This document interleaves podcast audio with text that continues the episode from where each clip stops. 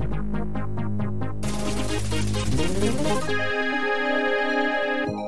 Hjertelig velkommen, alle lyttere, seere og andre som av en eller annen grunn har interesse av å høre hvite, halvgamle menn snakke om livet og kjærligheten, og først og fremst dataspill.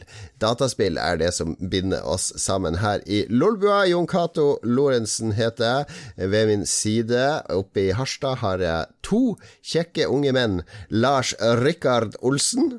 Journalist i Harstad-tidene, kulturopptatt, glad i musikk og turer i skog og mark. Ja, ja. Ikke så glad i turer i skog og mark. Det er jeg ikke. Ok. Uh, ved hans side igjen, også oppe i Harstad, nærmere bestemt ute på Trondenes, fødestedet til Tore Hund, som prøvde å forhindre at Norge ble kristna, men som dessverre slash heldigvis ikke klarte det. Mats Rindal Johansen, eh, vår elitegamer i Lolbua, PC Master Race, oljefantast og hater Greta Thunberg. Hallo, hallo.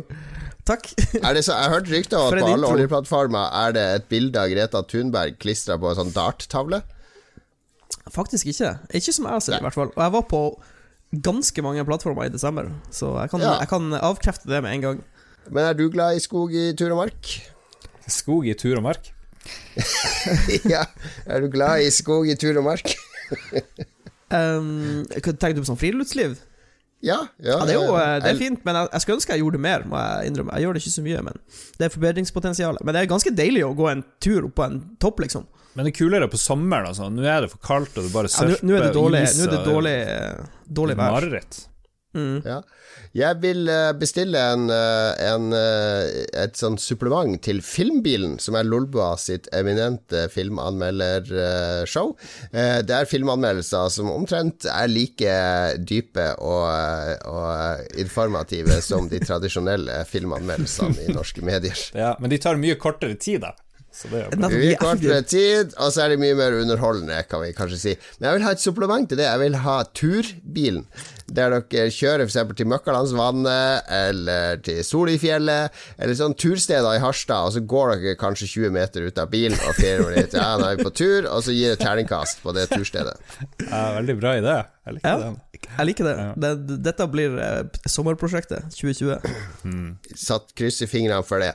Vi må jo eh, informere lytterne om hva vi har gjort i det siste. Det er jo enhver podkasters plikt, eh, og en måte å liksom eh, bygge opp din egen selvtillit og tro at livet ditt har mer verdi enn det egentlig har, fordi at det faktisk sitter folk og hører på ja. informasjon om, om, din meningsløse hverdag. Ja. Så Lars, hva er det som har skjedd? Du har hørt du har hatt spennende besøk. Ja, eh, jeg har invitert eh, noen tilbake som har vært på besøk før.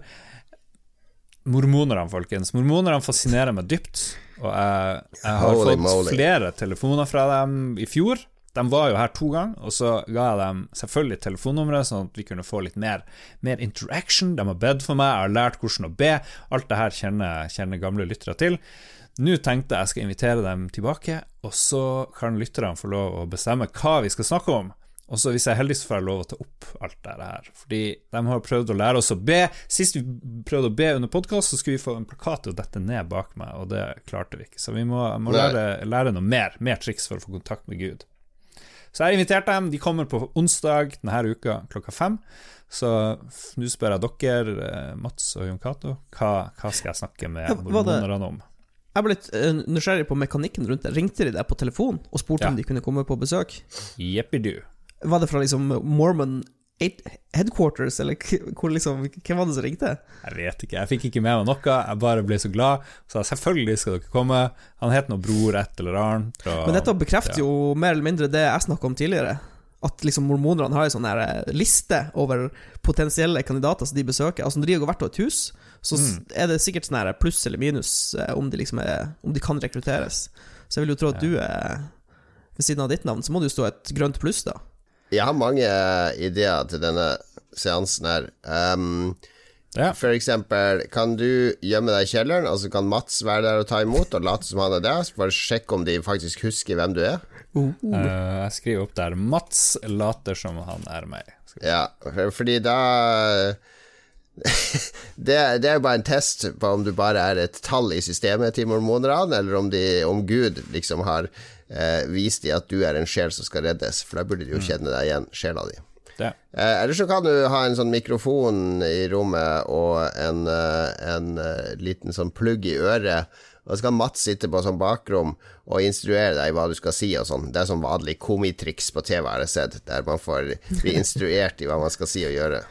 Ja, ja. Men nu, jeg har jo lyst til å ta dem opp, men jeg har ikke lyst til å villede dem. Jeg har lyst til å være ærlig med dem, og ikke For jeg føler de er en utsatt gruppe. Vi må være snille Ja. med hormonerne. Så ikke noe skjult mikrofon, ikke ja, no, noe noen pranks. grupper er jo ganske utsatt av eget valg.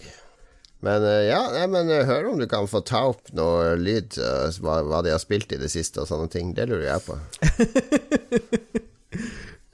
For det må jo være en del dødtid. Altså, de går fra dør til dør, og så er det sånn Ok, det var 30 stykk som sa nei til oss i dag.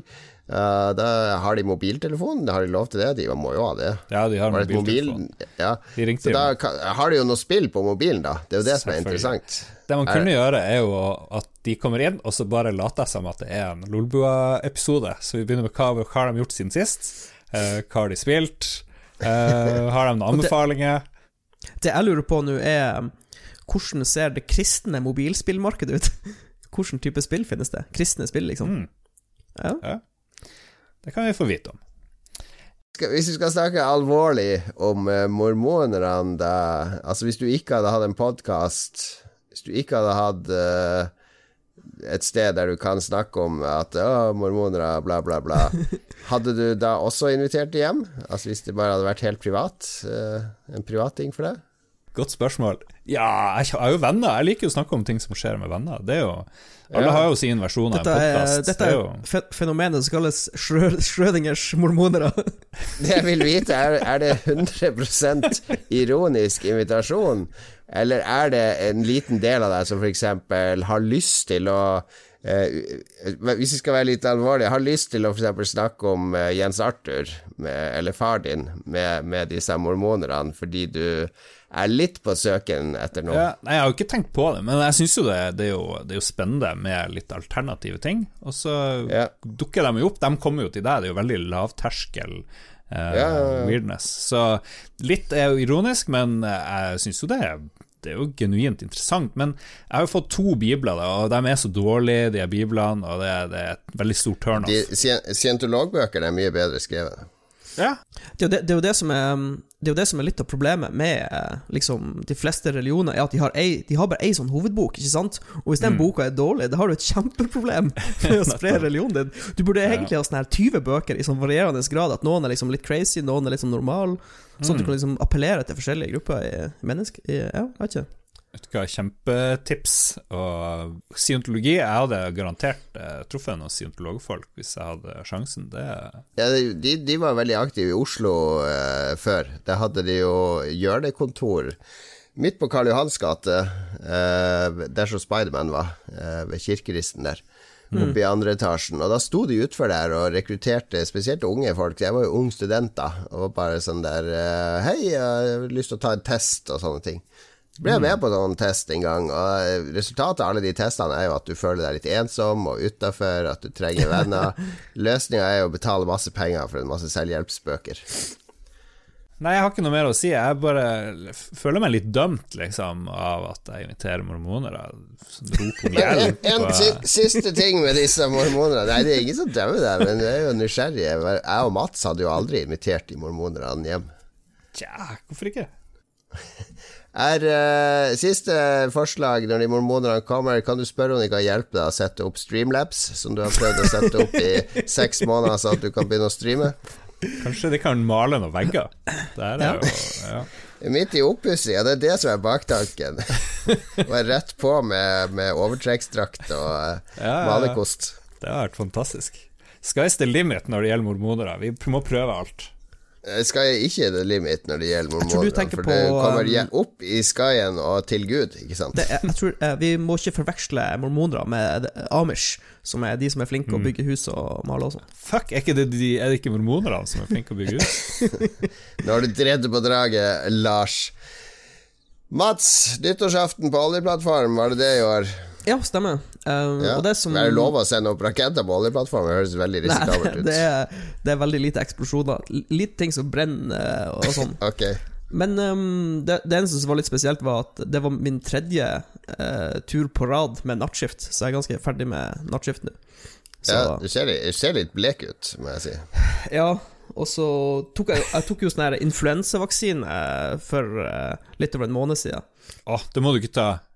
Altså, jeg følte meg så dårlig i formen helt siden jeg tok den vaksinen. Jeg vet ikke om det er placebo eller, det er, Bevis, men bevis på at det er livsfarlig å ta vaksine. Ja, men jeg tror, jeg, tror, jeg tror det er noe bare med årets Influensevaksine influensavaksine som er noe, noe som ikke stemmer helt. Men det er bare deilig å være ferdig med Ja, en vaksine er jo at du dytter sykdommen inn i kroppen på Mm. en kontrollert vis, og du skal slippe å få den ukontrollert. Nettopp. Men jeg tror kroppen min er så puny at den klarte ikke den bitte lille mengden med, Ja, med virus. Men nå er det liksom Nå er, er det lysere dager, for nå neste offshore-tur er dagskift, og nå er, liksom, nå ble, nå er det tilbake i den der rytmen. Så det er bare Ja, det var en sånn Ja. hump jeg måtte over. Ok, Jeg fikk får viktig innspill her fra Mylarito i uh, Twitch-chatten. Han sier han har veldig Han er en slags Sherlock Holmes, tror jeg, fordi han ser at du har fått autisme av influensavaksinen. Ja, ja, Så ok. ja men der har vi, der har vi fasitsvaret. Ja. Takk, Mylarito. Men eh, savner du ikke fest og moro og familie når du er på plattform i jula, eller er det bare helt uh, greit? Det er julaften som er spesielt for meg, da, for da samles hele familien, og så er det god mat og god drikke og sånn. Og det fikk jeg jo feire hjemme nå, så jeg er fornøyd med det. Jeg har eh, det, skjedd, det største som har skjedd med meg siste uka, er at vi har vært på Spillprisen, og mitt selskap har vunnet priser, men det skal vi ta i neste bolk.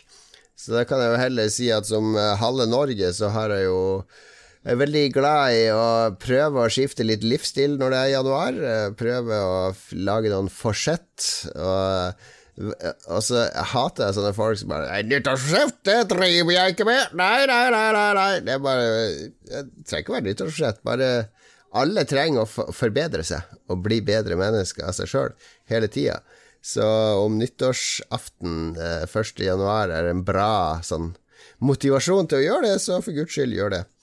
Så jeg er tilbake på Jeg sykla til jobb hver dag. Jeg har kun tatt uh, T-bane én gang dette året. Én tur. Så det er full eh, sykkelregime. Vært på Elixia. Jeg har begynt å spise eh, mindre brød og mer havregryn og sunnere kost osv. Okay. Helsebua er tilbake. helsebua er tilbake. Å, gud. Hva vi veier for tida? Skal vi ta en sånn starten? Jeg veier 95. 95. Mats, kan du disclose? 86 kilo. 86. Ok, vent litt. Snakk om noe annet. Ja, nå skal Lars ut og Han skal gå og seg. veie seg. Med klær på og alt. Jeg tipper 93. Ja, ja han er ganske høy. Så jeg tipper noe sånn Jeg tipper det i nabolaget. Noe sånn Mer eller mindre?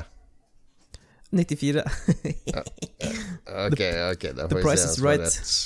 The price is right. Hva ble det, Lars? Hva ble det? Hva ble det? Nå går jeg på her, skal vi se. Må få den på. Sånn. It is live. Å. Å. 91,7. What? Ikke mer. Oh, det var jo ikke mye, Lars. Det er bra. Det var jo lite. Jeg, men jeg blir så nervøs hver gang jeg veier mindre enn jeg brukte. Jeg tenker å fuck, nå driver jeg og har sånn kreft et eller annet sted. Det er sånn årets, uh, årets ting. Lars er redd for å dø av kreft.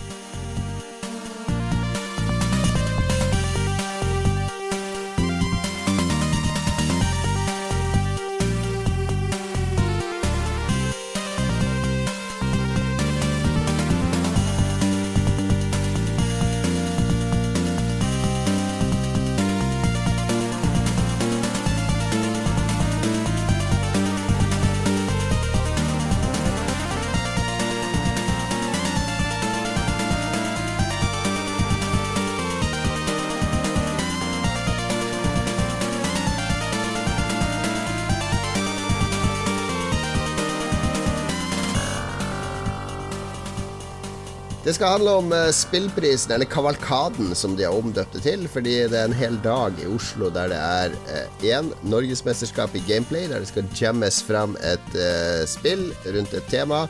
eh, med 100 000 kroner i premie til vinnerlaget. To, det er Nordic Game Discovery Contest, der man skal pitche sitt spill til en jury, og så kommer man videre til en sånn nordisk finale der man kan få eh, en, en OK støtte og eksponering. Og tre, det er spillprisen. Det skal kåres de beste norske spillene fra 2019. Uh, dette foregår da årlig på Filmens Hus i Oslo. Det er tiende gang NME Gameplay har vært arrangert. Vi, Lars og jeg har jo hatt jeg, to livesendinger fra NME Gameplay før, ja. med varierende resultat og mye uh, mye drikkevarer etter hvert. Mm. Uh, og det er 50 gang spillprisen arrangeres. første året var jeg vel juryformann i spillprisen, og så har jeg vært med å arrangere det flere ganger. Ja. Og så utstyrte du Philip Maurizio, Toronto Enzizio og Flagstad med H6. Og ja, fikk du noe, jo... ga du han råd? Hva var hans mission egentlig der? Eh, nei, jeg var jo eh, nominert eh, i flere kategorier, eller Krillbite var, så jeg måtte jo være der med selskapet mitt. Og så jeg, har jeg jo også jobb som DJ på den festen etterpå, så jeg hadde jo ikke tid å ta opp. Så Philip foreslo at han kunne bare løpe rundt med en opptaker. Hei, og velkommen til en liten spesialsending av Lolbua. Jeg heter Philip Neff og sitter nå i Storsalen på Filmeshus, hvor spillprisen 2019 går av stabelen. Og det publikum står på sine føtter til enorm jubel. Så går showet i gang. Kjære alle sammen. Velkommen til Kavalkaden, spillbransjens festkveld. Eh, det kjører vi rett på med de som vant, eh, eller han som vant selveste NM i gameplay. Eh, han tror jeg har vært med seks ganger, og eh, han eh, holder til eh, utafor Oslo et eller annet sted. Han er en litt sånn mystisk figur, for han er ikke en av han jobber ikke i et av de store spillselskapene, for mange av de etablerte spillselskapene er jo med i NM. Men han eh, er solo, kjører full solo, og for første gang så vant han endelig. Philip snakker med Jeg heter Juhe. Og du har nettopp vunnet NM i gameplay? Ja, jeg kan ikke tro det sjøl, men ja. Gratulerer. Det er, jo jo følelse ganske ålreit. Ja, Fortell litt om, om, hva du har lagd for noe. Uh, årets tema var uh, ekstraliv, liv, Extra life. Ja, stemmer det. Uh, så den opprinnelige ideen min var at du skulle ta med deg liv rundt omkring. så gikk jeg tilbake til en gammel klassiker, da, som er Snake. så i spillet mitt så spiller du ikke en slange, men en marsk. Uh, men som også spiser mat, og så uh, blir lengre og lengre jo mer mat man spiser. da. Riktig. Enn så lenge høres ut som snek. Ja. Uh, men vrien her er at det er egentlig et puzzlespill. så i tillegg til vanlig mat, som gjør deg lenger, så har du ekstra liv som du kan plukke opp. og det gir deg et ledd da, som har en grønn farge. Det grønne Uh, grønn mat som gir deg okay. ekstra liv. Et ledd på merken? På merken, ja. Ah, okay. uh, så uh, greia er at når du Og så finnes det sånn bomber rundt omkring på levelet. Sånn miner som marken må passe seg for, men egentlig ikke. I tilfellet her skulle du bruke minene strategisk. da. Okay. så hver gang du treffer en mine, så dør du. Men siden du har et ekstra liv, så spåner du marken der det ekstra livet var. Eh, så på den måten så blir du kortere, og det gjør det lettere for deg å manøvrere deg rundt. Så det, spillet handler egentlig om å, å håndtere lengden på marken, slik at du klarer å plukke opp all maten i levelet. Og, og når du har plukka opp all maten, så dukker det opp et gyllent eple som du skal spise. Så, ja, så det er et puslespill der du skal prøve å få tak i all maten. da. Hva ja. driver du med ellers? Hva er det? Jeg jobber faktisk som frilanser. Ah. Jeg jobber med forskjellige filmer. Hjelper med uh, utvikling på forskjellige måter. Uh, jeg jobbet, i, uh, I fjor så jobba jeg mest med utstillinger og liksom visningssenter. da. og da har jeg laga forskjellige spill. Jeg, jobbet, jeg gjorde et prosjekt for Kreftforeninga, bl.a., og, og for Glava. Okay. Et VR-prosjekt da, for Glava. Og så gjorde jeg også en AR-app for uh, uh, Ice, eller uh, Mobilselskapet? Ja, nei, nei. Uh, Ice, det er energisenteret i Hundefossen familiepark. OK, oh, ok, riktig. Nei, Ja. jeg bare kjenner til mobilabonnementet og Ja, Ice nei, Baby og Vanilla Ice. Yes, staves det. Ja, ok. Ja, ok, ja, er jeg med. Ja. Ok, Så du bruker denne kompetansen din i en del forskjellige typer bransjer? Ja, det er litt forskjellig. Det er ikke alltid spill-spill, liksom. Men litt sånn prosjekter som tar i bruk spillteknologi, da. Ja, riktig. Så jeg har jobba mest med spillmotorer, egentlig. Så det er det jeg kan best, eh, liksom teknologien bak det, da. Vi er nå, Det er lørdag kveld, vi er på Filmens hus. Du har nettopp vunnet NM Gameplay, og vi skal ha, nå skal det være den offisielle kavalkadefesten. Du har nettopp vunnet 100 000 kroner. Hvor mye av de skal brukes på kveld, festen i kveld? Antakeligvis ikke så veldig mye, for jeg, jeg, altså, jeg er ikke sånn som drikker eller eh, noe sånt uansett, så Men ja, hva skal du bruke det til? Hva, hva ser du for deg? Det er jo plutselig, det er jo sekssifra. Plutselig Ja. i Eh, Jeg hadde jo sendt det hjem til familien min i Colombia, men hva tenker, hva tenker du å gjøre? jeg har ikke peiling. Uh, Hadde du ikke tenkt noe på det på forhånd? Hva har- skjedde hvis jeg vant? Fordi, Nei, for det er så usannsynlig. Men du har jo vært med så mange år, og du har hatt flere andreplasser.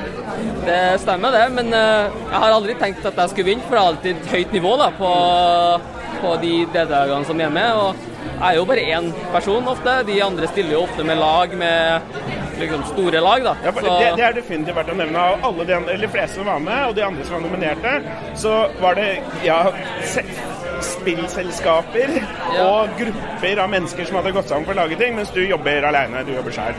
Yes. Ja, stand out from the crowd.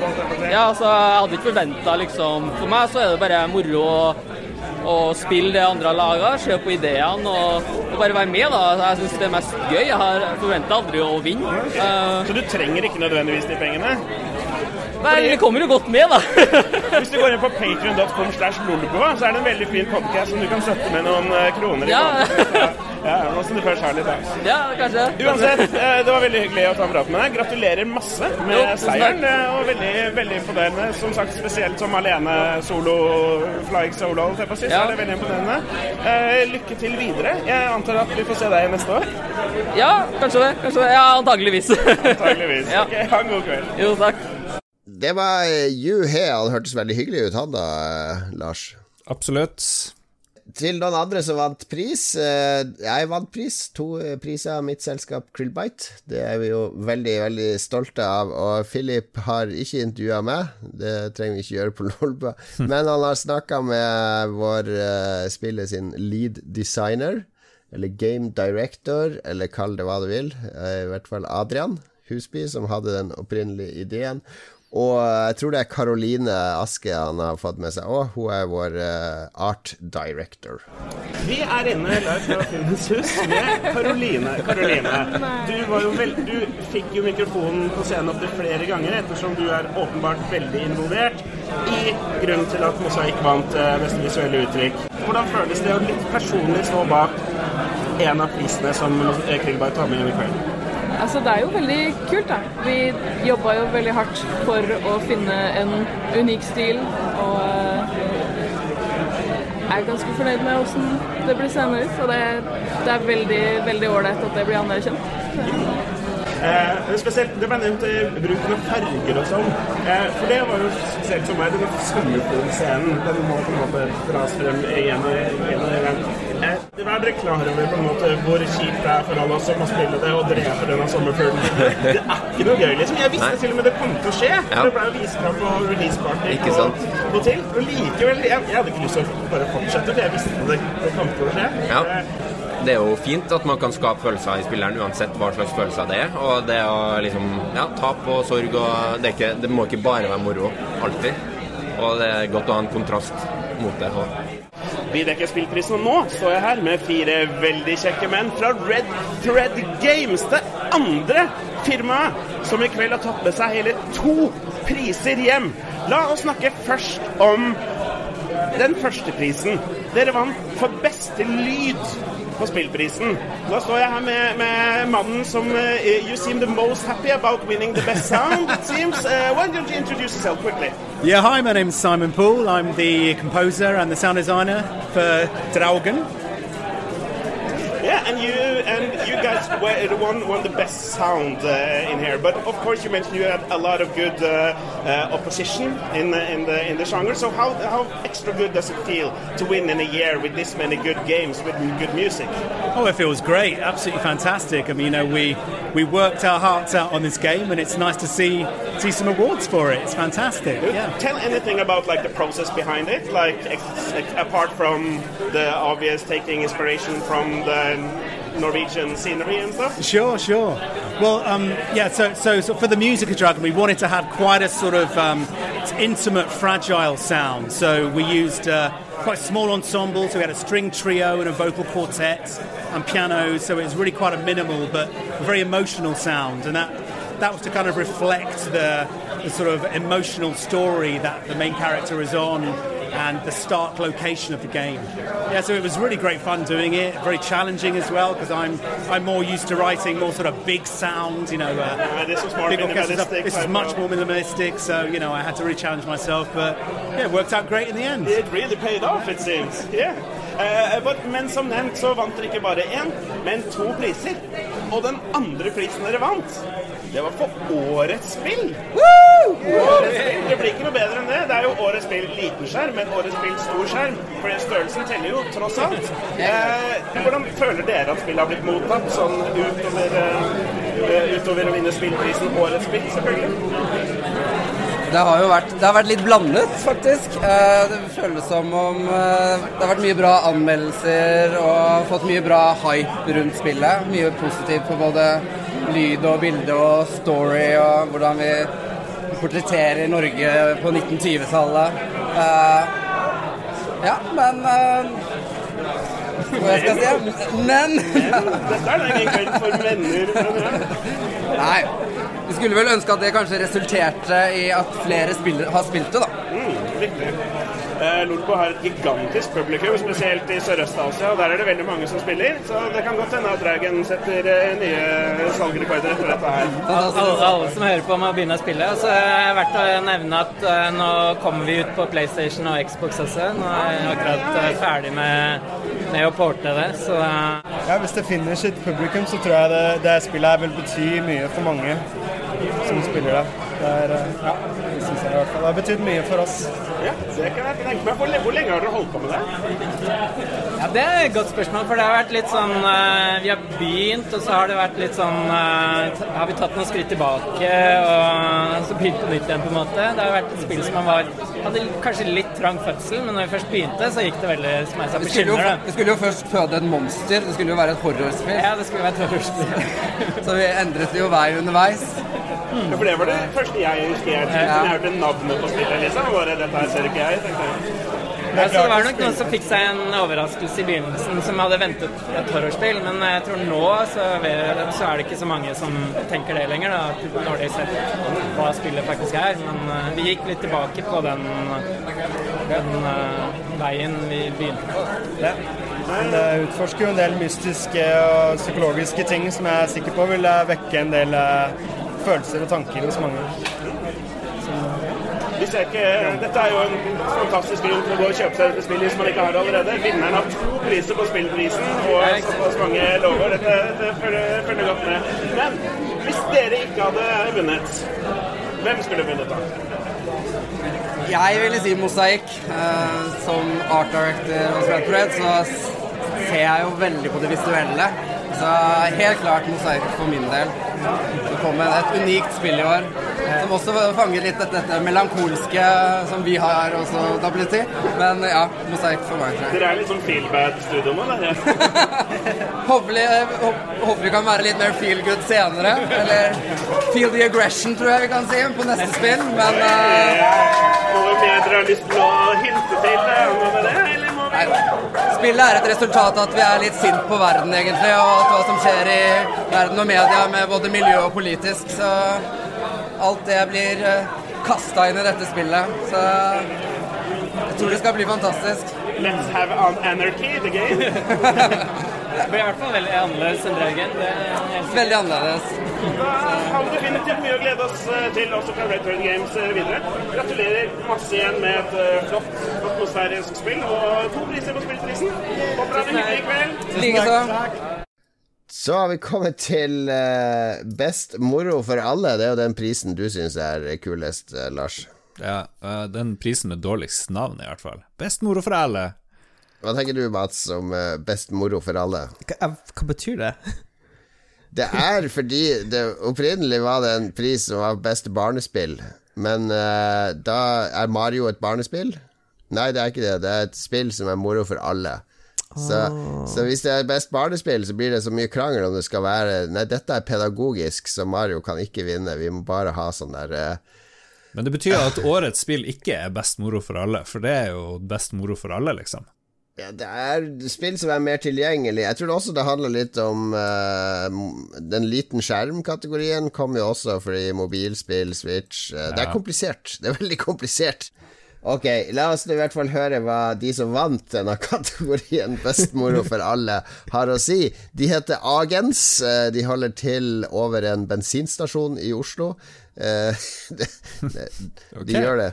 Men de er, de er vel et stort, eh, stort byrå som holder på med masse ting, og så har de en spillavdeling som har laga Skate City.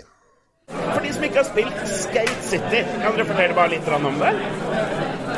Ja, det er et uh, street-skate-spill. altså du kjører skateboard rundt omkring. Og i byer, byer og gjør triks på gata, på trapper og forskjellige steder i byen. Det, ja, Kortversjonen var det.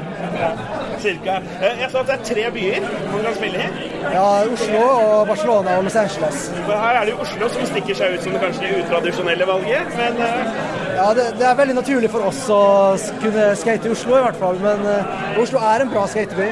Men klart internasjonalt så er uh, både Los Angeles uh, absolutt skate, skatingens fødested på mange vis. Og Barcelona er i hvert fall Europas Europas det er riktig. riktig. Em, det slår meg nå når jeg hører på dere, at er dere gamle skatere? Er det der inspirasjonen til spillet kommer fra? Nei, det er han som uh, lagde, lagde liksom originalkonseptet, og han, han har skata veldig mye. Ja, han har høy skatekred. Men eh, Håvard har jo brekt armen på skateboard siste året, så han har litt, litt kred, han også. Bare siste året? Jeg prøvde, jeg prøvde å catche opp, liksom, og jeg skal jobbe med det. her. Jeg må, jeg må prøve å gjøre litt research. Eh, Jeg, gikk, eh, jeg fikk en én centimeter høy ollie og en eh, brekt håndledd. Og en bredt andre, ja.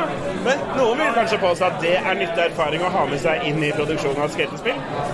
Det er definitivt. Ja, jeg tror vi, det, det var et fremskritt mer enn at vi ble satt tilbake av akkurat, akkurat den skaden der. Det var en verdifull erfaring. Ja, det er 2020. Hva kan vi eh, håpe på og eller forvente av Agens i året som kommer? Eh, Det vil eh, komme mer fra Skate City. Det, kan, det satser vi på, uten at vi kan annonsere noe her og nå. Men eh, vi satser på mer. Det blir mer, mer av det som var best moro i 2019. Herlig. Da Og så har vi noen griser også. Vi har noen griser som eh, kanskje kommer i 2020 også. Noen griser. Ok, Da er det bare til å se seg over skulderen etter de. Så håper vi at dere også har det best moro på festen i kveld. Takk for det. Ok, det var Skate City Rock Pocket Games som var den beste tech med Moons of Madness. Jeg må innrømme, jeg vet ingenting. Hva er, hva er Moons of Madness? Kan vi ta en sånn Har det kjapp noe med eh, Mountains of Madness å gjøre?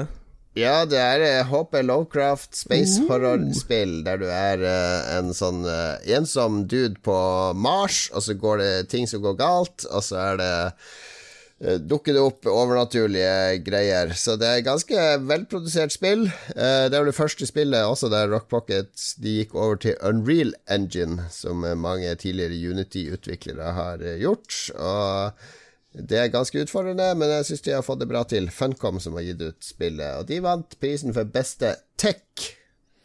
Oi, og det kommer jo 21. januar 2020 til konsoll. Xbox og PlayStation. Hei, hei, hei. Ja, det er fortsatt meg, Filippe F. Lolbo er fortsatt på. Eh, Filmens hus i det spillprisene er delt ut. Og nå står jeg her med Rock Pocket Games, som har vunnet prisen for beste tech. Eh, du kan jo introdusere deg selv. Eh, Jeg heter Ivan Moen, jeg er daglig leder i Rock Rock Games. Eh, Ja. Ja, det er mye, det. det er meg. Ja. Gratulerer som sagt med pris. Du står her med en fantastisk gullkaktus eh, i hånda. Eh, Det var jo mye bra konkurranse i år. Eh, Hvordan, hvor godt føles det å vinne denne prisen på et, i et såpass godt spillår som 2019? Herregud, så høyt nivå, så mye bra spill. Tech-prisen, vi har, vi, den, det, var, det var en av de prisene jeg gjerne, gjerne ville vinne. Vi har, det fra scenen når det var noen takketaler. det er eh, Vi bruker jo så mange andre, enten Unreal eller Unity, men det krever så mye ekstra. Du må dette her er prisen for å putte de ekstra timene i å lage, utvide engine, lage den ekstra tekken som skal til for å, lage, for å få et veldig morsomt spill. Det er eh, Ja, vi har brukt vanvittig mye timer. Så denne prisen her, den satte jeg så veldig pris på. også. Det er litt sånn slitepris. Ja, er- litt sånn bare Litt sånn femmila på ski. Ja, det er, det er uh, veldig takknemlig for den. Men faen, det er helt utrolig mye og høyt nivå det har vært. Og det blir bare bedre og bedre hvert år. Så jeg gleder meg til å se hva fremtiden bringer. Ja, det, er jo, det gjelder jo både for nivået på spillene og kavalkaden i seg selv. Denne spillpriskvelden har jo vært større og bedre enn jeg har opplevd. Ja, det blir bedre og bedre hvert år. Veldig moro. God produksjon og alt mulig. Og nå håper jeg at vi skal kose oss resten av kvelden. Det skal vi. Det skal vi. Gratulerer igjen. Takk. Stein Pedersen er eh, Hvem er han, Lars? Det er jo vår venn, eh, Commodore 64-eksperten. Ja, han som har laga intromusikken på eh, Sidbua, Ja. rett og slett. Det er Stein. Knallfyr. Hva i all verden har han med det her å gjøre? Ja, han er, pleier å være dommer i NM i Gameplay. Han er jo en veteran i eh, spillbransjen. Så uh, han snakka litt om eh, jobben han har gjort. Hei, hei, hei, dette er Philip Meth. Jeg er fortsatt på Filmens hus, og nå står jeg her med en av eh, eh, juryen på årets spillpris. Eh, Stein, dette har NM i Gameplay. En, på NM i Gameplay, ikke eh, spillprisen. Nei, nei. Nei, nei, nei, det hadde jo vært horribelt hvis du hadde hatt noe med det å gjøre. Ja, for det har jeg egentlig med å Nei, ok, heldigvis enn så lenge ikke. Hva føler du syns om nivået i år? Jeg syns det var eh, bra, egentlig. Spesielt syns jeg det var gledelig at eh, han som vant, vant. For han har levert på veldig, veldig høyt nivå over mange år. Vi hadde en prat med han i stad, og han, eh, jeg spurte hva han skulle gjøre med pengene, og han hadde aldri sett for seg at det var noe han kom til å trenge å tenke på engang. Nei, men det ble egentlig ganske tydelig klart at han kom til å vinne. Så ja, gratulerer til han. Ja, han fortalte meg litt om det konseptet med Snake med ekstraliv og bare noen mekanikker som ble The Puzzle Snake-aktig. Det- Det som er imponerende med han, er hvor bra han er på å pace seg. Han klarer liksom på en uke å levere noe som er bra designa, bra koda, så det ser bra ut. Og det er liksom ferdig. Det ser polisha ut. Og han er én mann. Moondrop var gjest i Lolbua i fjor. Eh, fjor vinter, da de kom med sitt spill Degrees of Separation. Husker du det, Lars? Yes, I do. Det var Andreas Fuglesang. Og det triste er jo at uh, Degrees uh, ble vel ikke den salgssuksessen de hadde kryssa fingrene for, så de bestemte seg for å avvikle studioet utpå vårparten. Uff da, det visste jeg ikke. Nei, det gjorde de. Så de er Moondrop og Krillbite Studio og Sarepta Studio er jo de tre grunnleggerne i Hamar Game Collective. Så er det den første av de tre stiftelsesselskapene som da har Hm. lagt eh, inn årene. Men både Andreas eh, og Ove husker jeg at jeg så på spillprisen, så Philip fikk jo en prat med de om prisen for årets beste design. Vi bruker jo veldig mye tid og fokus i spilldesign. Eh, Så klart alle spill må gjøre det til en viss grad, men vi setter ekstra stor pris på å levere godt spilldesign. Eh, Og det er jo morsomt når eh, spillet kommer, eller ideen kommer opprinnelig fra NME Gameplay, som var i 2014 her. Ja, jeg skulle, til å, jeg skulle til å nevne det nå som vi på en måte er her. Så dette kom jo fra når det var du og en til som hadde Vi var fire. Var fire, ja. Og da var det temperatur som var tema? Stemmer. Ja, riktig. Jeg huska ikke helt gærent. Og det var ja, og x antall år siden. Viser det fram noe som blei til det som er Degrees of Separation i dag, som har vunnet, vunnet pris. Um, fikk du med deg Enemy Gameplay eh, på en måte som var før spillprisene? Ja, jeg så på de finalistene. Mm. Hva syns du? Det er jo alltid interessant å se hvert år hva, hva som kommer ut fra de temaene. Mm. Veldig artig. Og ellers så har det jo vært et kjempeår for norsk spill generelt. Eh, Nivået har vært kjempehøyt på alle de nominerte eh, i år. Selv om det var jo mange av de samme, samme spillene, så titlene som gikk igjen i mange sjangere. Eh, men jevnt over så har du en ganske demokratisk fordeling av priser. Ja, helt klart.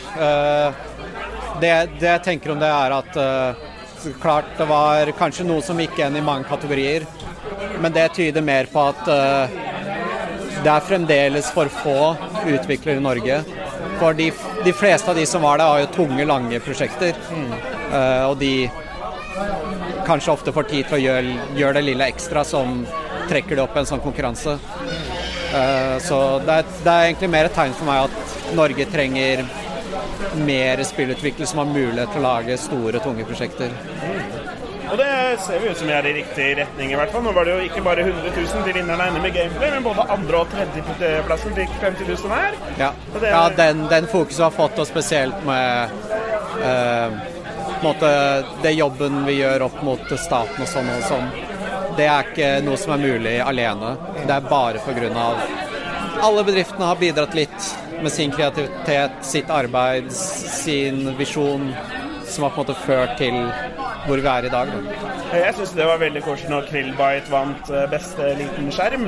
At den hele halve salen har jo vært involvert i mosaikk på en eller annen måte. Det virker som det er godt til samhold i norsk spillbransje generelt. Ja, eh, altså jeg liker å skrøne at det mosaikk var litt sånn dugnad på slutten.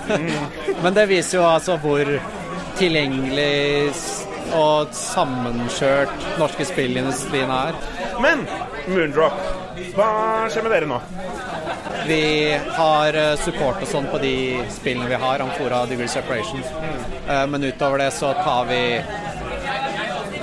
Ja, det er ikke, det er ikke noe aktivitet i bedriften utover det på akkurat nå. Dere er ikke kjøpt, opp av EA eller noe sånt? Da? Nei, det Du er ikke involvert i neste Fifa? Nei. okay. Har dere hørt å spille Snow? Ja, den derre Informer. Eh, det er en sang. Gå på loeding.no slash snow og se på det norske spillet der, da. Det, er, det ser ut som The Last of Us som foregår i Norge. Ser dere det? Ser dere det? Gameboy? Jonathan Nielsen. Hæ? Eh, de er en eh, helt ny eh, utvikler. to karer fra Ås utenfor Oslo som lager et spill som heter Snow. De hadde en dobbeltside i Edge Magazine nå rett før jul. Det var da de fleste hørte om de. De har fått litt tilskudd fra Innovasjon Norge, Viken, eh, NFI. Og er virkelig sånn one to watch. De driver og skalerer opp studioet sitt nå. Har fått inn en produsent. og trenger nok flere folk til å realisere dette spillet, men det ser allerede på dette stadiet ut ganske imponerende Mm. ut, hva de prøver å få til. Eh, og de er også en veldig veldig morsom gjeng. Jeg møtt de ved et par anledninger. Uh, oppegående, flotte fyrer. Så det blir spennende å høre hva Philip har fått ut av dem. Hva er det dere Er det lo- loading? Loading? La loading? Uh, loading. Det er loading. Loading med E. Loading med E. Og, det uttales, og det uttales som loading med A. Helt riktig. Riktig. Ja. Ok, da fikk vi klare klarhet til det. Grunnen til at jeg snakker med dere, er jo fordi dere har vunnet eh, semifinalen, kan man kalle det, i Hva er det heter det? Nordic Game Discovery Extravaganza? Ja, ja, det- ja. Det, det, høres, riktig ut.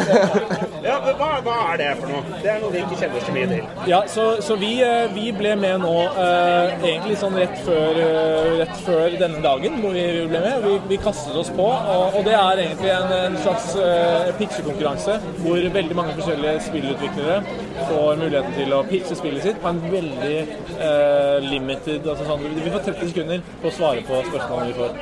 Um, Og så kommer det en fyr og sier 'nå er tiden over'. Ja. Så, så, de er så brutale. Så brutale.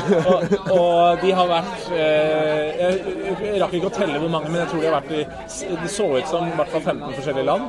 Eh, og samlet inn altså hatt en, hatt en slags semifinale, som du sier, eh, i hvert land. Eh, og så er det én som stikker av med seieren i hvert land. Og så samles alle Ja, i Norge er det oss. Og så samles vi alle i eh, Ma Malmö. Malmö, ja.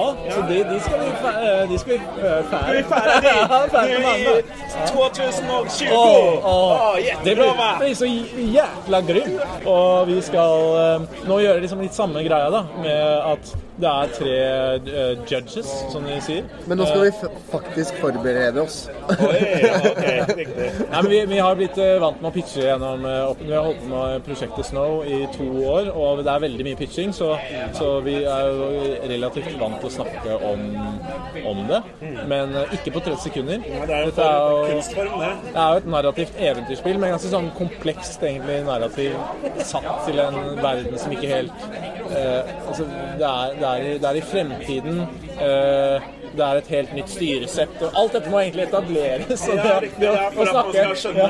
helheten i spillet. Ja, masse ja, plot twists Masse- og forskjellige greier. Og hvordan skal du forklare masse plot twists på 30 sekunder? Ja, ok. Men ok, men siden dere er da best i Norge på dette her 30 sekunder fra Nå forteller man Så, ja, så Snow er et narrativt eventyrspill med en åpen verden også. og, og, og det vi ønsker å oppnå, er å lage et narrativt spill som har, bruker veldig mye sånn type Triple A. uh, vi, ser, vi har skannet alle skuespillerne. Det ser egentlig ut som en type uh, Naughty Dog-spill. Kanskje ikke det fineste, men i hvert fall ser veldig Triple A ut. Uh, men vi har også lyst til å bringe inn mye av elementene som du finner ofte i uh, indiespill, som er litt sånn kreativt å lage en sånn type Tida er ute! Nei! Nei! Du ser Skjønner du? Vi må øve, vi må øve på den jævla pitchen. Men det gikk jo åpenbart bedre i, i tidligere i kveld. Altså, nå har vi hatt to øl. Det er et, et, et relativt lineært eh, Men, men ikke i, game, i, i, i gameplay, altså i narrativ, så er det lineært. Eh, I gameplay er det ikke lineært. Så det er en open world. Eh, det er mer type Metroidvania-stil og hele greia. At du starter med en open world. Ja. Når kan vi vanlige dødelige få håpe å spille det? Eh, Dere kan få håpe hvis vi får Vi, vi håper Vi sier til oss selv to år, Ja, to men år. eh, vi vet ikke. Vi, vi snakket nettopp med Vi, vi, hadde, vi hadde nettopp en kaffe med Joremi fra Owl, Owlboy. uh, de uh, hadde også samme type ting, at de, skulle være ferdige om to år. Egentlig hele produksjonen. Endte om å bruke tid. Så da, da begynte vi å svette lite grann. Utsendt reporter, det er jo litt gøy å ha det på plass. Morsomt. Eh, Send feedback til oss i Lolbua på om vi trenger flere sånne utsendte reportere til spillting som skjer.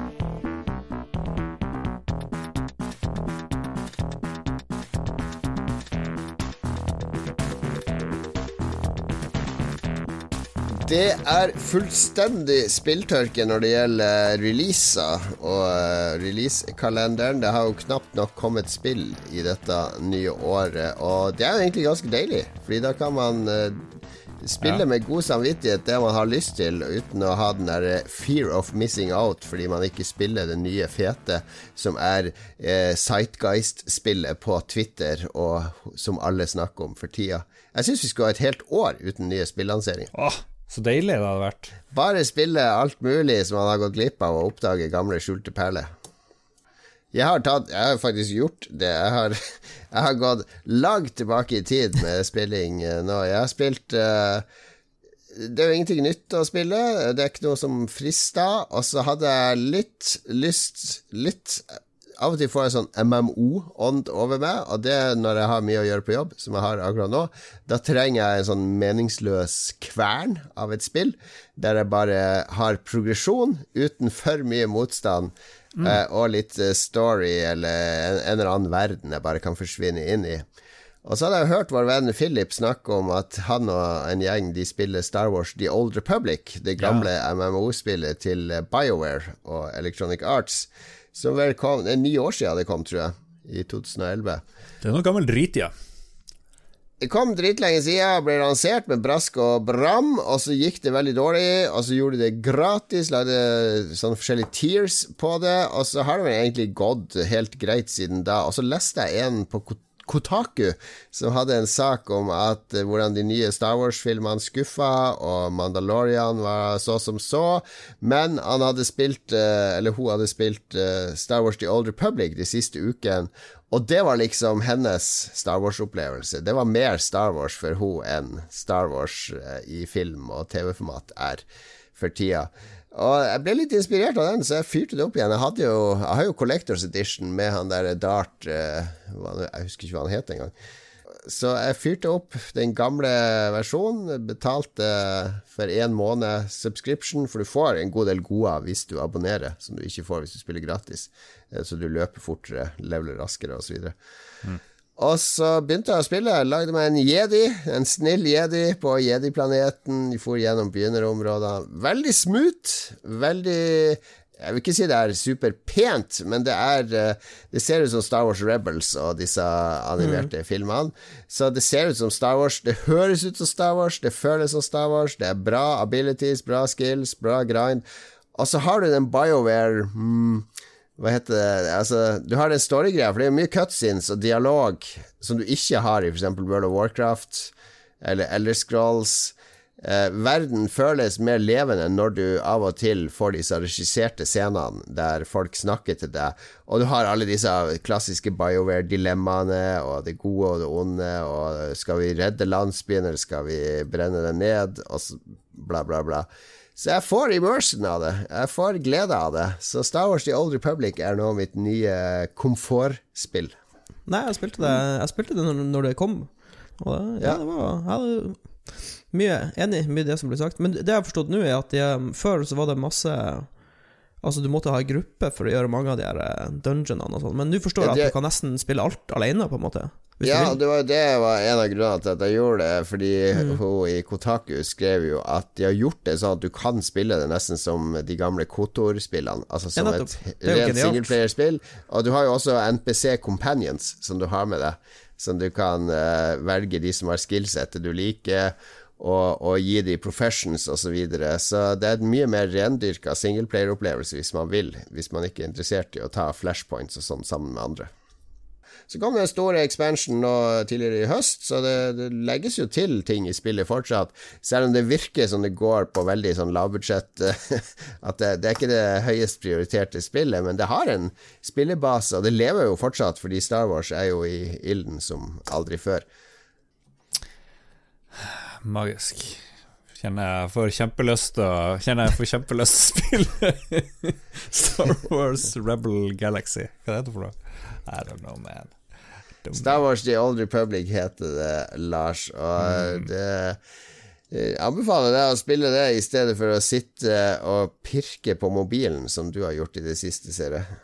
Jeg har pirka mye på mobilen, eller ja Men det går jo på det du sier. Noen ganger så vil du ha et spill hvor du får litt progresjon, du trenger ikke bruke hjernen så veldig mye, og da er det her Grindstone, som ble et av årets spill fra Red Crew, leste jeg, og det syns jeg er veldig kult. Jeg tror det var Magnus Tellefsen som pressa det gjennom.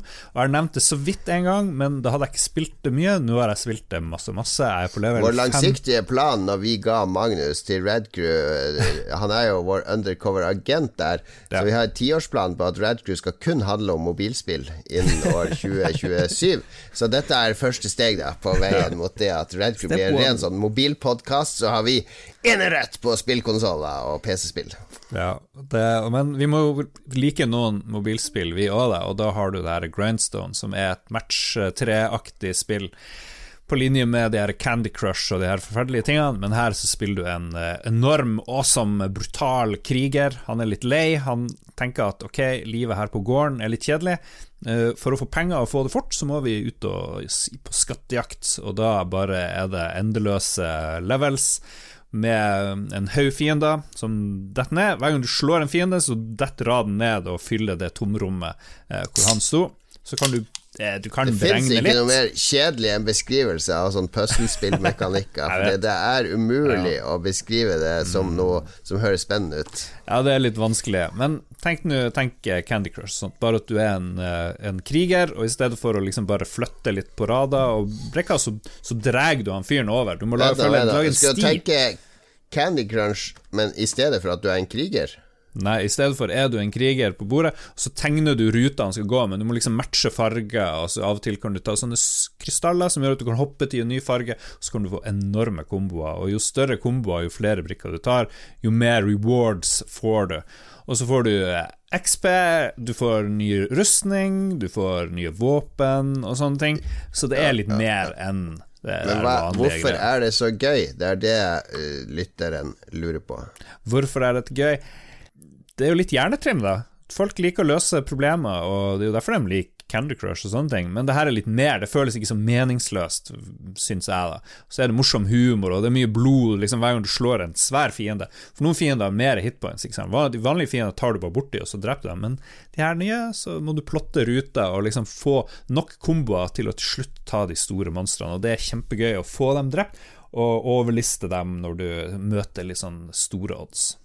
Men eh, du har fortsatt ikke sagt nøkkelen til hvorfor det er gøy. Jo, det er hjernetrimmen. Det er liksom det å klare, Nei, klare det. nei, du, jeg fisker etter noe her. Å, du fisker er- etter noe. Herregud. Hvor er det du kan spille dette spillet? På Apple Arcade og kanskje andre steder. Riktig. Må. Nei, det er kun på Apple Arcade. Du må betale fem-seks dollar i måneden for å ha tilgang til det og 100 andre spill. Og ingen av disse spillene har Tradisjonelt sett så har jo disse spillene mikrotransaksjoner. Ah, det Så hvordan hadde, hvordan hadde Grindstone vært hvis det hadde vært et free to play-spill, som det ikke er, som skulle livnære seg på mikrotransaksjoner? Fordi Oh da God. hadde levelene vært designa på en sånn måte at hvis du ikke betaler, så har det vært, det har vært mye vanskeligere å komme gjennom, mye mer frustrerende. Jeg tror ikke det hadde vært like bra, ikke sant?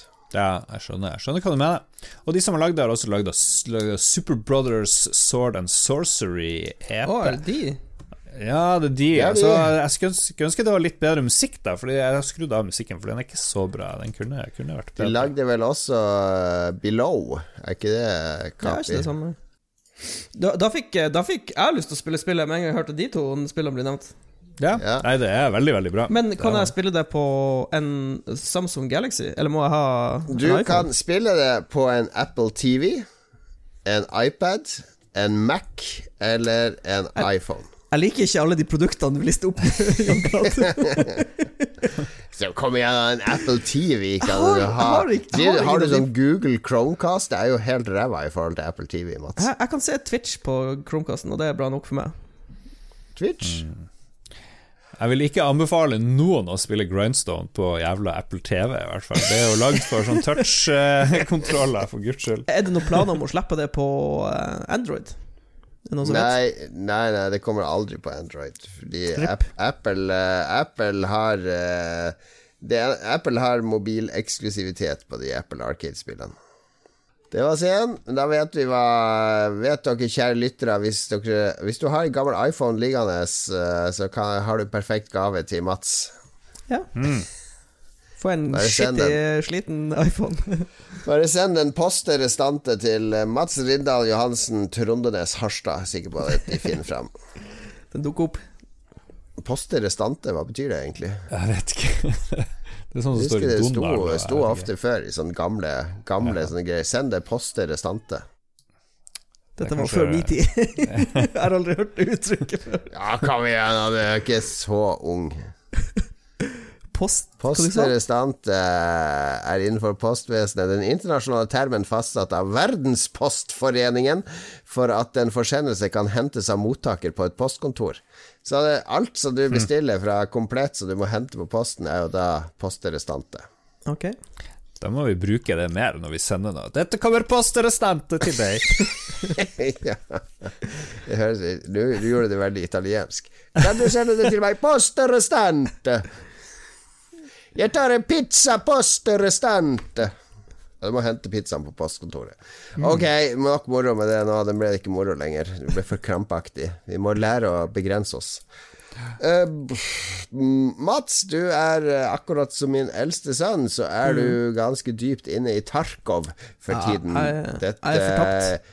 russiske kvinnediskriminerende skytespillet. ja, det er korrekt. Det sjåvinistiske skytespillet. Nei, jeg har, jeg har blitt eh, Jeg har rett og slett blitt skikkelig hekta. Det er eh, Jeg storkoser meg. Jeg driver og uh, oppgraderer hideouten min og drar på raids med vennene mine, og så dør vi veldig ofte.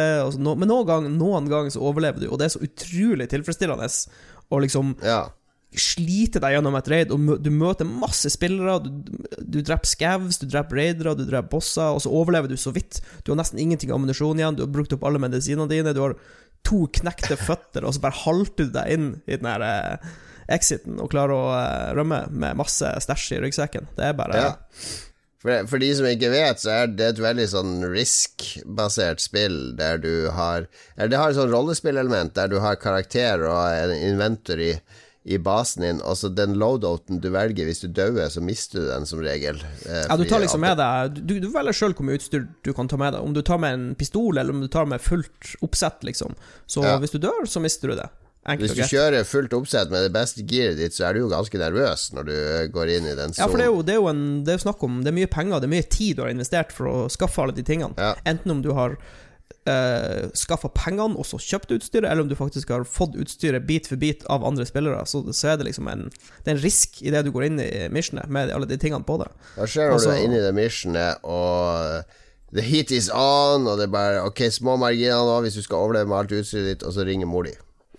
Ja, nettopp. Og så er det jo den her um, Det her stressmomentet med at det, det er ei klokke som teller ned. Enten om, om det er fra 55 minutter, eller om det er 25 minutter. Så når den klokka når null, så er det det samme som å dø. Eller det er faktisk verre enn å dø. Du blir missing in action. Du har heller Ja, ja. lyst til å dø enn å bli missing in action. Så enten så må du komme deg til exiten, eller så må du dø, die trying.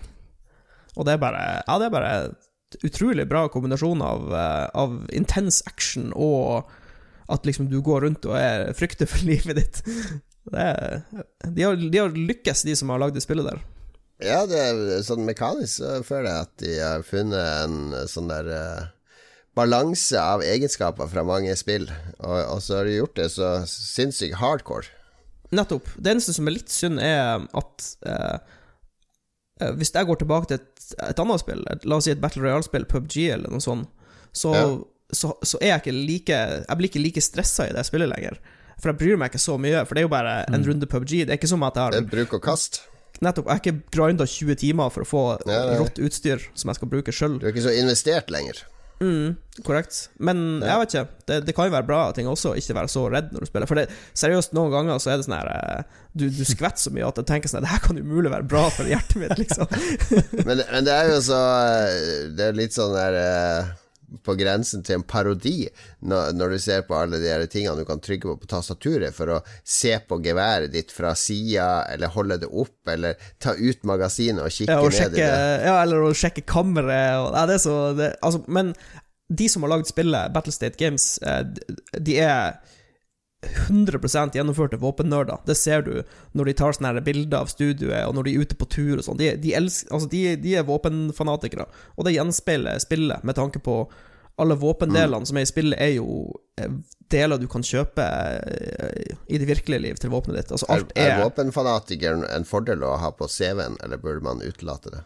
Jeg tror man burde utelate det. Nei, men du ser bare at de, de, de bryr seg om det. Altså, det er en lidenskap de har, og det, det gjenspeiles i spillet. Og kanskje for noen så blir det litt mye, på en måte. Det blir, det blir så teknisk. For eksempel, du kan det som kan skje i spillet, er at du kan rett og slett stappe feil ammunisjon i, i magasinet i våpenet ditt, og så kan What? du ikke skyte våpenet ditt. Du kommer inn, og så prøver du å skyte, og så går det ikke an å skyte. Det, liksom, det finnes masse videoer på nettet om det. Så om det er en bra eller dårlig ting, det vet jeg ikke. Men det Nei, er det humor, er, men det er veldig Altså Det krever at du er en sånn PC-spilleridiot, som jeg sier, Ja. uten at det er nedlatende. Altså Nei, at du forstår- har tålmodigheten og viljen og evnen til å sitte og studere kart, og så gå inn på kartene og holde på i mange timer bare for å lære deg Lære deg ting. Altså det, ingen, det gir deg ingen Spillet gir deg ingenting gratis uh, i utgangspunktet. Det bare kaster deg inn i en brutal lærekurve. Og det er jo ganske sånn uh, robust eh, Quest-system i spillet også. For Ja. det er jo eh, Det starter i det små, og så bygger det seg opp. Og for å, uh, for å få det beste itemet i spillet, som er en sånn stor secure-container, så må du gjøre alle questene i spillet. Og det, jeg var ikke klar over hvor omfattende det var, men nå har jeg dypt Nå har jeg gått litt inn i wikien og sett på de questene, og det er jo helt vilt hvor mye du egentlig må gjøre for å gjennomføre spillet, i anførselstegn. Så Ja. det, er- ja, det er heftige greier. Han eh, Philip har eh, en høne å plukke med Escape from Tarkov. Han sier at spillet virker helt ok, men det gikk fra å være ingenting til et av de mest populære spillene på Twitch på kun tid, på kort tid, bare ved hjelp av de her drops, in game-ting du får ved å se på streams, og han mener det åpenbart er juks. Ja, det er en, det er en genistrek, egentlig, fordi um, det som skjedde Markedsføringstaktikk er det.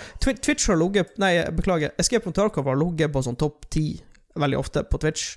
Uh, og det som skjedde i jula, var at de implementerte Twitch drops i en kort periode, som gjør at du linka Twitch-kontoen din til Escape from Tarkov-kontoen, og hvis du så på streams, så fikk du med tilfeldige intervaller, så fikk du items i spillet til din spillkarakter. Altså om det var fyrstikke, en pistol eller et gevær. Altså alt fra små ting til store ting.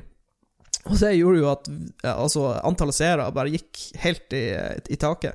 Men jeg, jeg syns bare det, det er jo bare genialt, fordi de har jo introdusert spillet for nye personer gjennom det. Altså, de har fått en større Ja. spillerbase ved å gjøre det, så jeg vet ikke.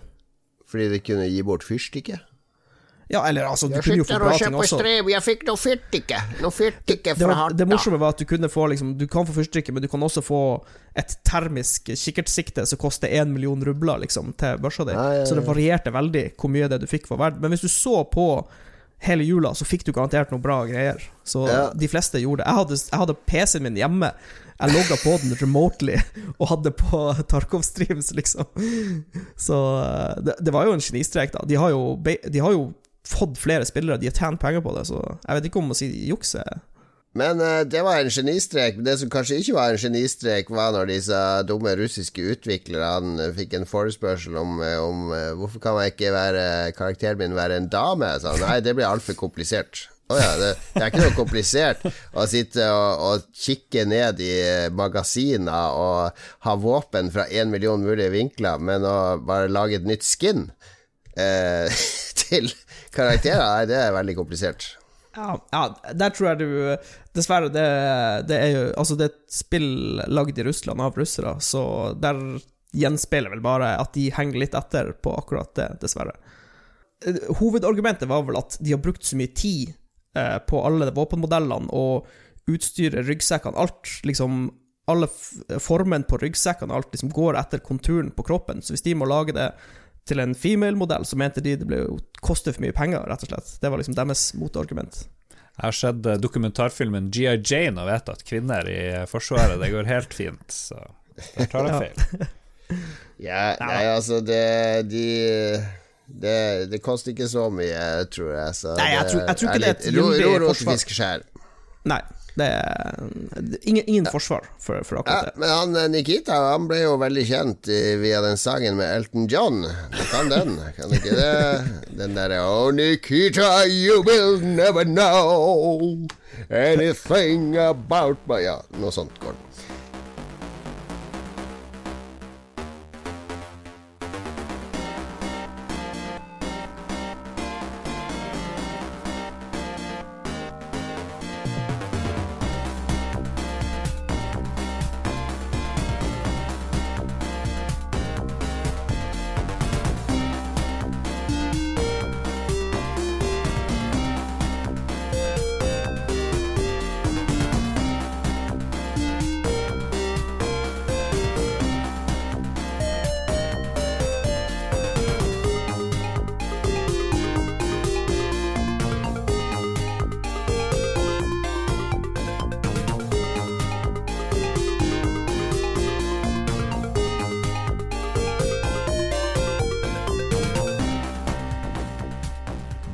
Skal anbefales eh, i Lolbua. For å gjøre ditt liv bedre, så anbefaler vi ting eh, og tang. Og denne gangen så er det vel eh, en av de Vanligvis så er det fallbacken er jo Jeg må se på TV-serie, må se på en film må lese en bok. Men nå er det virkelig Det er ikke med en eneste film, TV-serie eller bok. Oi, oi, Dette oi. blir en spennende anbefalingsspalte. Hva er det som skal anbefales nå? Jeg kan begynne. Jeg har kanskje den kjedeligste. Jeg bruker jo Lars, legg fra deg telefonen. Jeg, Ja, jeg, jeg skulle bare finne om det jeg skulle anbefale. Slapp av. Jeg kan begynne, eh, for jeg har kanskje den kjedeligste. Jeg og Lars vi er jo iPhone-brukere. Eh, Så nå kommer Mats til å le høyt av det idiotiet som jeg har oppdaga som han har hatt i 100 år. Men på iPhone så jeg har jo alle mailadressene mine der. Eh, så min private mail og eh, Krillbite-mailen min, pluss en masse andre Krillbite-kontoer som jeg fører inn via min gmail inn, inn i Apple sin mail-app, har jeg brukt i alle år. Vært helt grei. Jeg er litt irritert over den her og der. Men så jeg vet jo at Google har jo en egen Gmail-app, og siden all min mail er Gmail-basert, eh, altså Krillbite-mailene videresendes inn i Gmail-kontoen min, så tenkte jeg hvorfor ikke prøve den, da? Og så lastet jeg ned den, og den er helt genialt mye bedre enn den uh, native-appen på, eh, som Apple har. uh, Til å håndtere mail. Kanskje det mest geniale med den, og kanskje det går an å få til med den Apple-mail-appen òg, det vet jeg ikke, er jo at jeg bruker jo Apple Watch, og når jeg får ny mail, så kommer den opp på Apple Watchen, og der kan jeg arkivere og slette den rett fra klokka. Så hvis jeg ser at det er noe drit, som det er kanskje 50% av tilfellene, bare noe reklame eller fjås, så kan jeg med en gang cleare den, for jeg har jo hatt en sånn der eh, en innboks på under 30 mail siden sommeren. Jeg, klarer, jeg har full kontroll over innboksen. Det satte jeg meg som mål i sommer. Så, så det er mye enklere å gjøre det nå, når jeg slipper å gå inn og ta en bolk på 15 mailer to ganger om dagen, men jeg bare renser jevnt og trutt når det plinger inn på klokka. Drit, arkiver eller slett. Så jeg anbefaler rett og slett Gmail, Google sin Gmail-app på telefonen, hvis du bruker Gmail, da. Jeg, har, eh, jeg bruker det nå som en fast Jeg har to mail-app. Jeg har Outlook eh, med jobben, og så har jeg Gmail som personlig. Gmail-appen moser Outlook-appen, for å si det sånn. Den er superrask og fungerer og gjør alt den skal. Veldig god app. Jeg har 8126 mails i innboksen Gud. min på Gmail, og 2600 ikke lest. Det var en artikkel eh, i Dagbladet, eller VG var det vel, nylig, om at uh, hver mail du, som ligger lagra på en server et eller annet sted, Lars, eh, er uh, et miljøavtrykk. Så hvis du vil gjøre et slag for miljøet, kan ikke du slette 8000 av de mailene? Ja, jeg ser uh, Spotify, ny musikk du liker, Duolingo, hei Lars Rikard Olsen. Key to learning Japanese is daily practice. Minerva, Bane Nor, det er jo bare tull her. Google Maps Timeline. Det er jo bare å slette alt. Altså, det er jo ingen av de mailene fra Slett alle mail som er eh, fra i fjor eller eldre. Jeg har tatt vare på alle Alle, alle mailene mine jeg noensinne har fått i, eh, i, i Gmail. Jeg har 27 000 e-poster. Åh, du leder jo. Jeg har jo lest alle, jeg har bare ikke sletta noen. Ja, men det er jo poenget er jo at du skal slippe å slette, trodde jeg, med Gmail. Du kan arkivere de, men der ligger de også lagra et sted. Ja, ja. Men det er jo veldig Ok, få av de nok om det. Hva vil er dere anbefale? Anbefale. Ja, Send, eh. anbefale i tillegg å sende mindre mail. Jeg og Mats og Kien, spillelegen, kjørte rundt i dag, besøkte to ulike gravplasser. Um, vi skulle egentlig bare besøke vår venn Jens Arthur, som døde i fjor. Vi har snakka litt om det på podkasten, men ingen av oss har vært og besøkt eh, grava etter eh, begravelsen, så vi, vi for dit. Sa noen ord til han Charter ved grava og sånn, og det, men det føltes bra, liksom. Det føltes bra å minnes og tenke på de døde og hva vi, hva vi savna og sånne ting. Og så får vi innom pappa og onkelen min, som, og en onkel som døde i fjor. Og, og så der ligger han pappa. Jeg er nesten aldri på pappa sin grav. Men det var litt fint å være der, tenne et lys og ja, Jeg følte meg bedre, vil jeg si, av å fære der. Så jeg tror andre kan òg gjøre det, hvis de har noen. Noen av dem var glad i som er døde, så hvorfor ikke fære dit, da? Ja, noe, kan man også dra til folk man mislikte som er døde? For eksempel en som mobba deg på barne- og ungdomsskolen, og så er han død, skal du dra ut og le? På En nemesis. Ja, ta Det går fint liksom. an, tror jeg. Ja. Ja, er det lov? Er det Det er, er, det er kanskje ikke god god- etikette. Det er jo også en måte å få ut følelser på, å behandle traumer og eh, eh, Kanskje ikke savn, men uh, Du kan dra bearbeide dit eh, Du kan dra for å tilgi dem. Ja, tilgi, ja. Ja, det er så ond at jeg tenker ikke at man kan tilgi folk som har gjort det noe galt. Det var det var ditt initiativ, og du som Mm. Og når vi var der, så sa du 'skal vi si noen ord', så jeg syns du tok liksom Du var mest pro på det der gravferdsbesøk. Jeg, er alt, alt, jeg gjorde alt jeg har lært fra amerikanske filmer. Ja. Ok, hvil i fred, Jens Arthur. Men besøk en gravplass og eh, kommuniser med de døde. Det er vel mm. din anbefaling. Og bli med i Mormonerkirka. Og etter du har gjort det, Mats, så kan Ja. man Hva er det du Så drar, anbefaler nå? du, så drar du rett på møbelbutikken, og så kjøper du et gulvteppe. Gulvteppe? Hva som skjer med anbefalingsspalten her? Jeg vet ikke. Ok, her er litt Jeg må, jeg må bare Jeg må lage litt kontekst. Vi er jo en parkettnasjon. Teppet er ut. jeg, må lage, en ramme rundt anbefalinga mi. Eh, For Ja. situasjonen er Jeg kjøpte ei leilighet ute på Trondenes. Jeg har flytta inn for godt over ett år siden. Ett og et halvt? To år? Jeg er litt usikker. Jeg mista mange år siden du flytta to, inn. sikkert, to år. La oss si to år. Jeg bodde der i to år. Jeg har ordna det meste er på plass av møbler og greier. Altså, jeg, jeg, det er et møblert hjem, men jeg mangler golftepper. Jeg har ikke hatt golftepper. Og så Golf- syns jeg det fungerte bra, egentlig. Skal du spille golf? Det Altså gulv Jeg hadde ikke gulvteppe. Golv, golvteppe. golvteppe. Veldig bred dialekt. Så innser jeg at ok, gulvene er litt naken. Jeg drar og kjøper meg golfteppe og hiver det under eh, eh, sofaen og eh, stuebordet, og ble jævlig bra. Ser utrolig bra ut. Det, ble, det ble utrolig mye diggere å, å sette med sofaen, for du kan ha eh, føttene nedpå teppet. Det er litt sånn behagelig. litt sånn Vil du si at det binder rommet sammen? Nei, også, ja, og det andre, det andre var eh, det, Jeg fikk mer farge i stua. For problemet mitt var at jeg har et grått gulv, og så har jeg grå sofa. Og så Det var liksom Det mangla, det mangla litt farger. Så det ble var litt deilig å få en sånn fargeklæsj på, eh, på gulvet. Er du redd for at noen nihilister kommer inn og skal stjele teppet ditt? Ja, det, det, blir jo skjønt det Big Lebowski-spøken din nå, Lars. Ja, det Nei, men altså, jeg, jeg, jeg, jeg, liksom, jeg gikk for en sånn her klinisk eh, Sånn eh, minimalistisk stil, og nå har jeg fått inn tepper og litt mer farger, og jeg innser at jeg tok feil. Det ser mye bedre ut med tepper.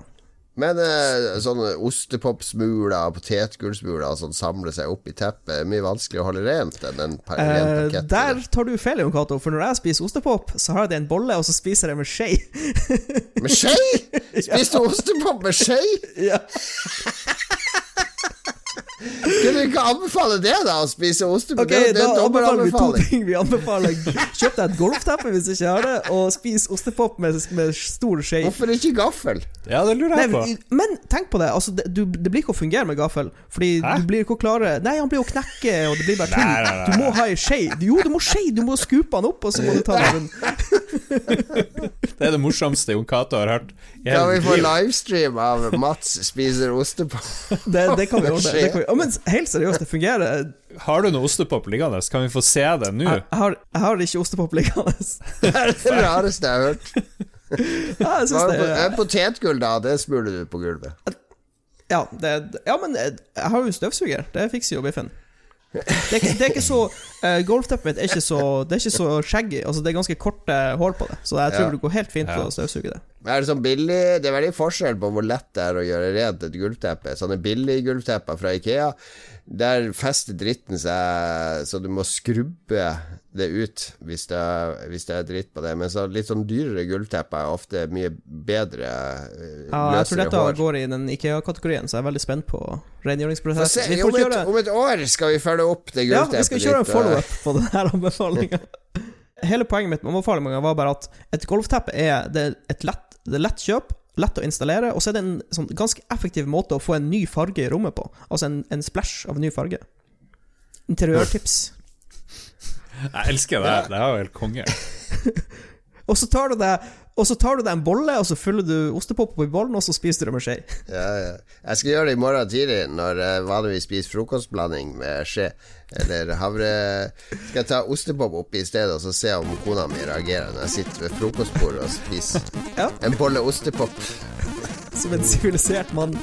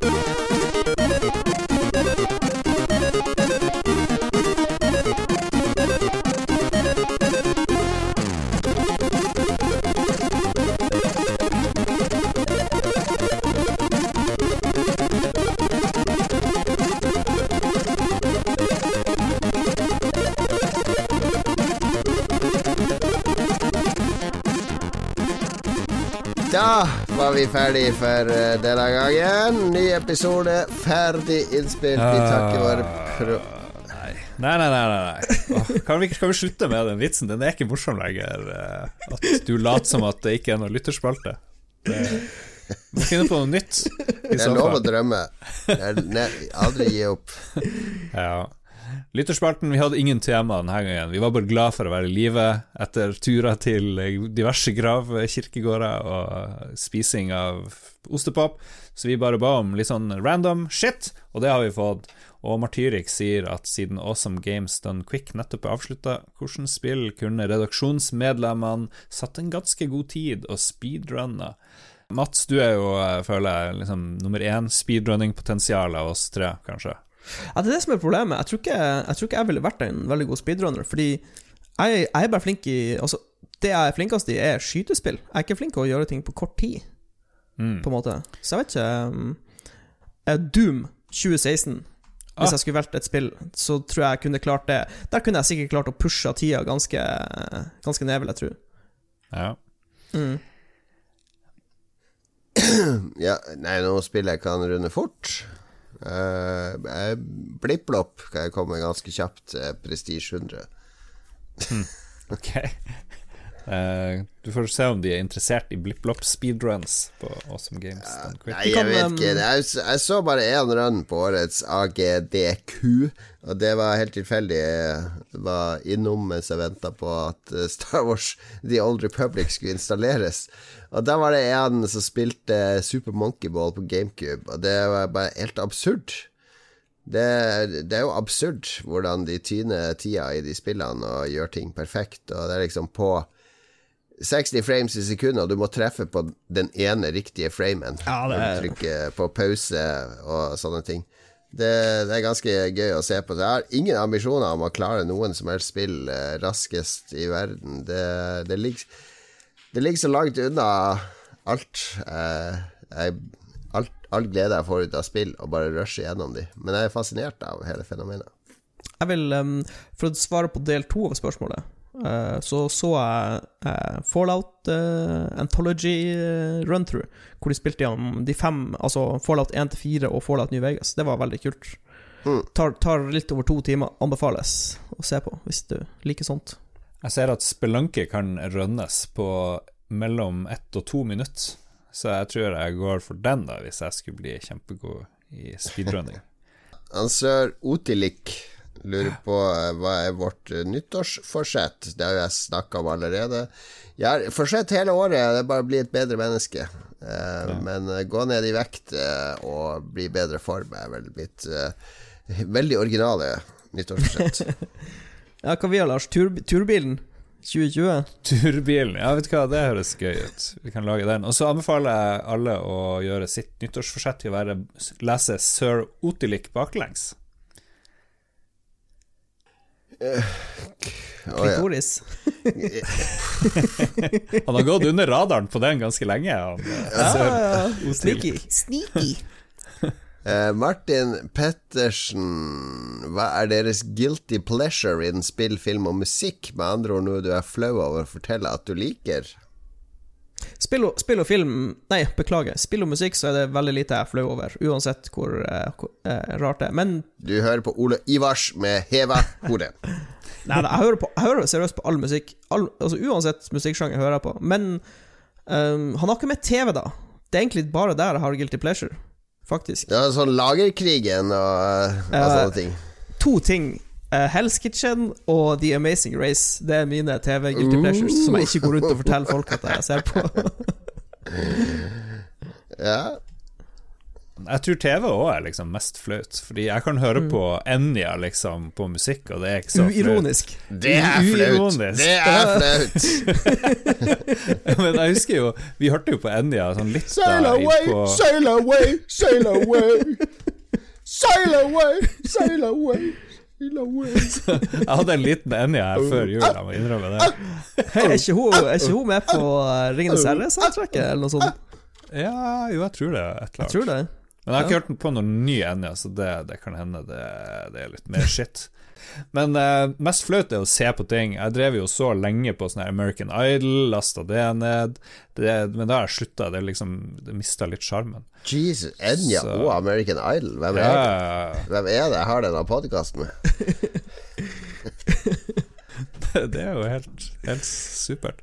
Og så har Netflix bare to sesonger av Project Runway. Det syns jeg er litt morsomt.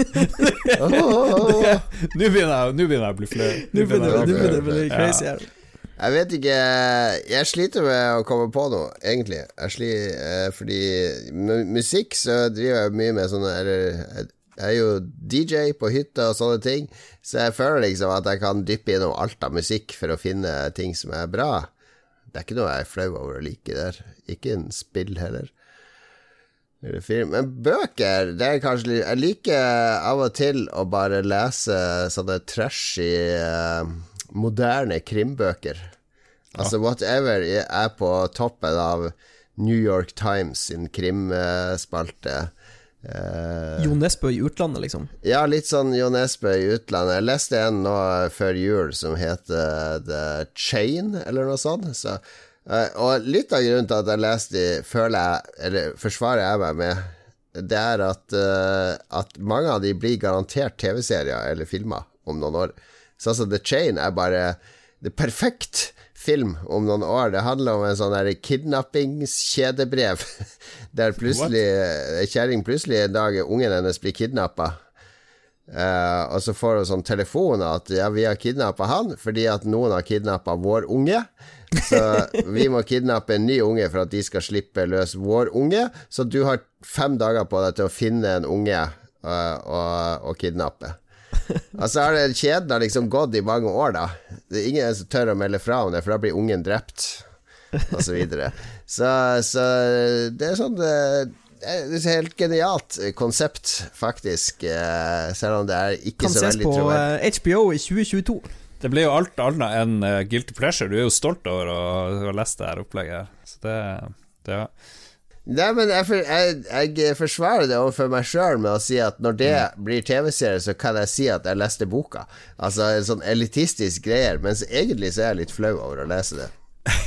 Men jeg tenker at du er litt elitistisk. Du er sånn her Ja, jeg skal bare se film som er 20 år gammel, og bla, bla, bla. Jo, men det har, det har um, jeg, jeg vil tro at det har noe med hvor lite tid Jon Cato har til overs til å gjøre sånne ting. At han må, han må uh, Det har med dårlig selvbilde, tenker jeg. Jeg kan ikke drite meg ut. Jeg må bare se det som er godtatt. Jeg er veldig krets. Det er for å gi dere nede i slummen noe å se opp til og strebe etter. Et godt forbilde. Et godt forbilde prøver jeg å være. Ok. okay. hvem er neste? Eh, jeg dro inn han Secret Chief fra Twitch. Har du, lest det? Har du prøvd å lese det baklengs? Uh, Feikrrs jeg, tror- jeg tror det er Enja. Fiet Trekes. Det er Enja på irsk. Skal du Anbefaler en podkast som ikke handler om spill, sier han.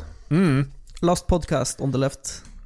Boom. Mm, hva er det for noe? Det er sånn politikk? Er det? Nei, Eller det- sånn eh, vi har, Jeg jeg har anbefalt den tidligere. Det handler om, de har episoder som handler om sånn kulte og seriemordere og sånn Ja. dark stuff. Det er utrolig bra amerikansk podkast. Huh. Jeg hører jo nesten aldri på podkaster. Ikke engang Lolbua hører jeg på. Fortell noe vi fordi- ikke vet. Men jeg, jeg, av og til prøver jeg podkaster hvis de er under 30 minutter lange. Jeg orker ikke hvis det er mer enn 30 minutter. Det, det Hvis du ikke klarer å snakke utfyllende om noe på 30 minutter, så er det ikke verdt Sier jeg i denne Pass på Pass på hva du sier nå, Ugat, at dette kan brukes mot oss. Kan jeg anbefale to podkaster? Skal jeg slå til med to? Så det er korte, fine podkaster. Mm. Anbefaler NRK har en podkast i to episoder. Så du kan høre to halvtimes episoder, så er du ferdig. Perfekt. Om Big Brother i 2001. Der de har Oh. intervjua produsentene av Big Brother, og uh, TV Norge, programsjefen fra den tida, og noen deltaker, han Lars Joakim Ringom, osv., om hele Big Brother-fenomenet, og hvordan det kom til Norge. Og det jeg var jo en Jeg vet ikke med dere, men jeg var da Big Brother kom, det, det så vi på. Jeg jobba på Akersbikta, og det ble sett hver dag. Og Remsi og Anemona og Rodney og Anette og Lars Joakim og Trond Jeg husker alle de folka fortsatt. Som var Jeg var, jeg, var i, um, jeg var i militæret når første sesongen gikk, så vi så på det religiøst og snakka Ja, ja, mye om det. Og det var, men det, var, det er veldig fascinerende. Det er bra laga podkaster. Mye arkivmateriale og ting og tang. Uh, og den andre jeg skal anbefale, er en britisk podkast med to damer som heter Dear Joan. Altså ikke John, men Johan. Dear Joan and uh, Jerica heter den.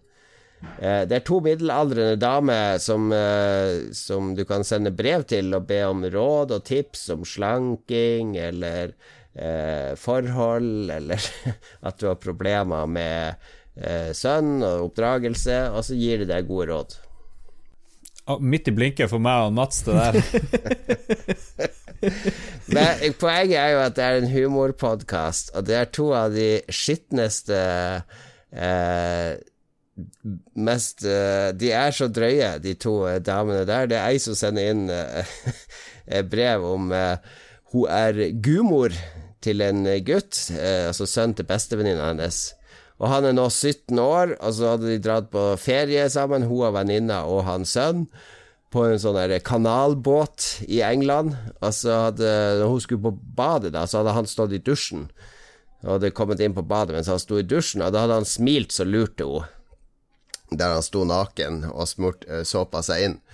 Og hun måtte innrømme at hun følte en slags seksuell attraksjon til han da, men hun var veldig redd for hvordan hun venninna hennes kom til å ta det hvis hun da skulle ekte på det her og, og ha seg med gudsønn.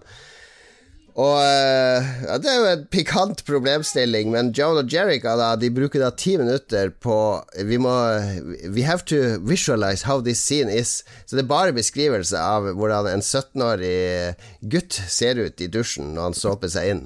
Of course, he's, he's, uh, he's only 17, so his, uh, his, his thigh muscles are are pretty lean, uh, not too much hair, pubic hair. It's just like the the short and healthy hair. Not when they get older and it gets curly and and and and you, you get it between your teeth and it's it's it's, uh, alluring. Uh, altså det er det er kun en sånn kåt fantasi av hvordan denne gutten ser ut i dusjen, og det er aldri konklusjon.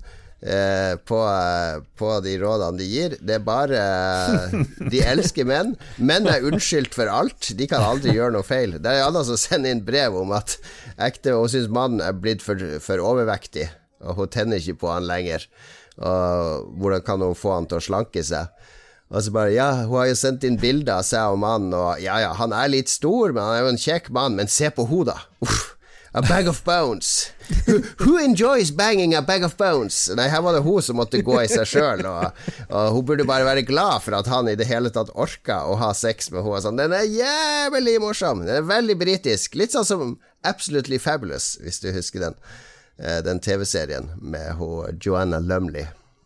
Eh, Adrian Haugen, hvilke spillserier tror du vil dø eller forsvinne i løpet av de neste årene? Da lurer jeg på, har Metal Gear Solid allerede dødd? Kan vi erklære dem borte? Hmm. De, lag, de lagde jo det der survival-greien som kom ut i, og forsvant like fort, så Det er nok ganske dødt. Jeg tenker, Mm. jeg tenker Fortnite eh, kommer til å miste mye popularitet i 2020, og det kommer ting som tar over. ja. Elder Scrolls er vel, kan, kan kanskje dø ganske Make fort. or break. Ja. Ja. Elder Scrolls er en sånn stinkende gammel uh, undead som eh, snubler rundt, og folk eh, fortsatt blir glad for at dette stinkende vesenet kommer på besøk. Jeg vet ikke. Tony Hawk kanskje dø? Tony Hawk Pro Skater osv. Captain Obvious, Lars Jeg spør at Lemmings ikke kommer til å komme av Lemmings. Ok, andre spørsmål hos deg. Hvilke spillserier vil vi ha en reboot av? Jeg håper Lemmings kommer tilbake. Jesus Christ, Lemmings på jern. Jeg har vært kult med um, Hadde vært kult med en Base Effect-reboot, syns jeg. En hva da? Ja, jeg er helt enig. Ja, ja, ja, Etter det dårlige, enig. dårlige uh, forferdelige forrige spillet. Ja. Bare starte litt med blanke ark igjen. Spilte jo Mass Effect 1, 2, 3 og var jo veldig helt fornøyd. Og så kom det Mm. der fire og bare ødela alt. Så det Andromeda. Det jeg kunne tenkt meg Dette er ikke en reboot, da, men det som hadde vært kult, eh, hadde vært et sånn open world eh, RPG i Star Wars. Et skikkelig Altså à la det du spiller, Jon Cato. Bare et sånn helt liksom singleplayer offline, trippel A, superhøy kvalitet. Det tror jeg kunne vært utrolig kult. Å reise fra planet, planet til planet og Divinity Original Sin, bare med Star Wars-setting. mm, Ja, Mm, det kunne det kunne vært Aid. Thomas Jarpåsen, hva tror dere om VRs fremtid? Selv har jeg endelig kommet inn i det. Helt vanvittig artig spillspill jeg aldri har hørt om. Et eksempel er Lone Echo, som kanskje er et av de beste spillopplevelsene jeg har hatt i single player-spill. Jeg tror 2020 blir året VR, VR kommer skikkelig på banen.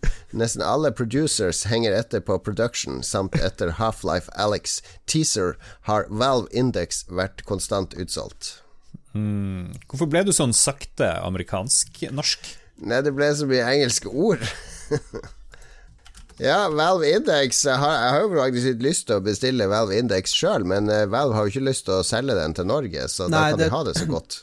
Jeg spår at det kommer til å bli et problem for nor nordmenn som vil eh, hive seg på Valve sitt eh, VR-tog, fordi de sliter med å lage nok til å sende ut i de landene det er tilgjengelig, så de har jo ikke lyst til å utvide nye regioner og selge de, når de allerede sliter med å fylle eh, kravene. Ja, det, og det er superirriterende at du kan kjøpe det i Finland, Sverige, Danmark, men ikke Norge. Ja. Vi kan kjøre til Sverige og kjøpe det. Men hva er Valve Index? Hva er det for noe? VR-headsetet til Valve. Ja. Jeg trodde de samarbeider med HTC, ja, korrekt, men de har også lagd et eget. But why? Why? Ja, fordi de Den bedre? Er Valve Index bedre enn HTC Vive? Det er nok det beste headsetet som er på markedet det, det er det som har høyest oppdateringsfrekvens akkurat nå, og så har de en annen, litt annen skjermtype, som visstnok er ganske bra. Mm. Og så har de, et, eh, de har noen helt unike håndkontrollere som heter Knuckles, som visstnok fungerer utrolig bra. Jeg har utrolig lyst på Valve Index sjøl, og det er veldig bittert at det ikke er tilgjengelig i Norge, for jeg vil spille Half-Life Alex når det kommer. Ja, jeg har masse jeg har lyst til å spille i VR. Jeg har jo Oculus Mm. Quest, at det er masse gøy der. Men du merker jo at det er et standalone-sett med en litt begrensa prosessor. Så Beat Saber og Superhot og, og alt sånne spill er kult, men sånn som Boneworks, som ser veldig, veldig kult ut, som kom rett før jul, uh, det er jo for avansert for det Mm. systemet. Så jeg har kjempelyst på Valve Index. Men det, det også, Half-Life Alex er jo også en sånn fear of missing out-opplevelse. Altså, hvis du er interessert i spill, så eh, jeg tror ikke du har lyst til å gå igjen ut av 2020 uten å ha spilt Half-Life Alex. Hvis det blir kritikerrost, og hvis alle sier at dette er eh, Dette er noe helt essensielt eh, kult å spille for alle som er interessert i spill. Mm. Eh, Joakim Strandberg, hva kommer til å skje med loot crates og mikrotransaksjoner i år? 2019 var vel året loot crates og mikrotransaksjoner fikk uh, tunge skudd for baugen, og ble, ble Ja. mindre relevant, virka det som.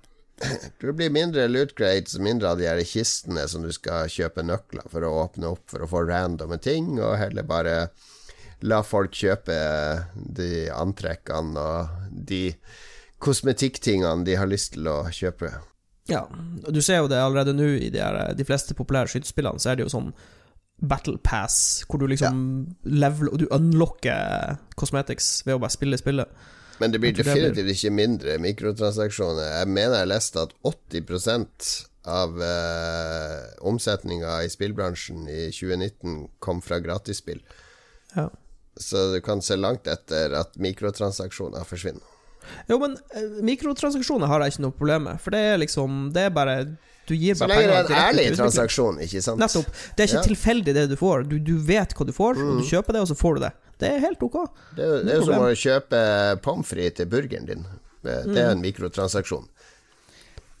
What? Stian har Skjerven Oppgradere, oppgradere Happy Meal, eller oppgradere quarter pounder-menyen din til en stor meny. Det er en mikrotransaksjon. Ja. Whatever. Stian og Skjerven, artig å ha en insider å spørre. Jon Cato, er det noe spennende å vente fra norsk spillbransje i 2020? Nå, Nei! folkens! Nå kommer det. Nå kommer alle de store hemmelighetene. Vi får Olsenbanden-spill med noe, noe VR, og så blir det Kongehuset blir sånn laget Kongehuset har bestilt Ari Behn tribute-spill. Sånn her eh, Ari Behn-clicker. Too soon, Lars. Too soon? Ja, ok. Too soon. Um, nei, hva du holder på med? Hva du vet skjer rundt omkring? Du kan jo sikkert si masse. Ja, se eh, Følg med på de der uh, loeding.no sitt spill Snow. Mm. Det, er, uh, det er kult å følge med Det på. er inside. Ok, det var Ja, jeg har ikke så mye eh, info om hva som skjer. Det skjer masse hele tida. Jeg tror Jeg tror vi innen tre år vil ha et nytt selskap som liksom kan eh, være på størrelse med Funcom. Blir det, blir det Krillbite? Er det Krillbite? Blir det Krillcom. Det blir Hvem vet? Han Secret Chief lurer på hvor er neste Mats og Lars spiller gamle spill. Her må vi Her, må vi også, her har vi også 2020-forsett. Nå har Lars vært opptatt med oppussing, så nå er det ingen unnskyldning. Det gjelder Mm. bare å begynne å fyre opp de gamle spillene. Det spørs om det er oppussinga tar slutt noen gang. Jeg ser jo her at det er innspill fra lytterne til spill dere skal spille. Raid on Bungley Bay, Rambo, Microbro Soccer, Kickoff, Turrican 2, Wings of Fury, Cybernoid, IK, IK Plus, Zool, Cannon Fodder, Speedball 2, Alien Breed, The Chaos Engine osv. osv. Det er ikke mangel på spill her. Nei. Jeg har lyst til å spille Jeg er veldig klar for Cannon Fodder. Det spilte jeg Cannon. Fodder. Der tror jeg faktisk jeg kan fungere. Ja, Mm. det blir bra. Mm. Do it. La oss gjøre det. Samantha Fox Strip-poker har jeg lyst til at dere skal spille.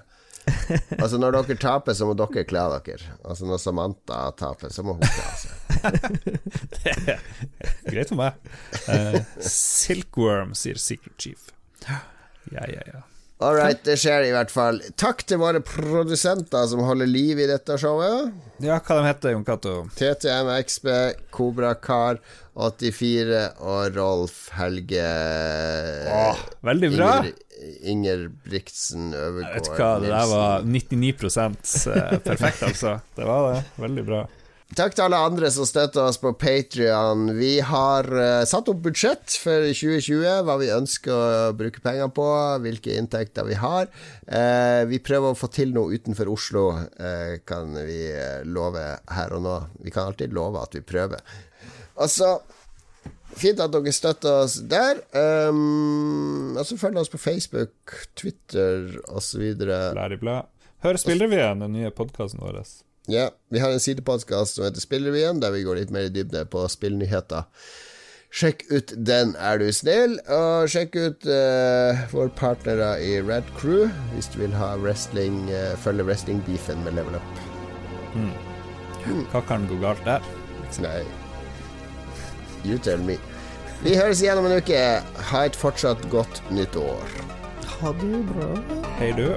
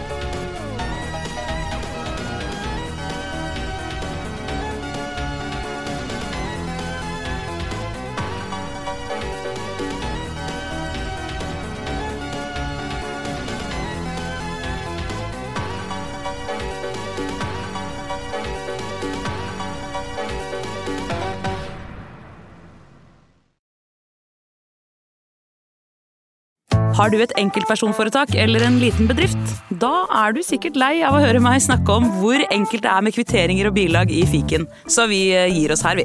Fordi vi liker enkelt. Fiken superenkelt regnskap.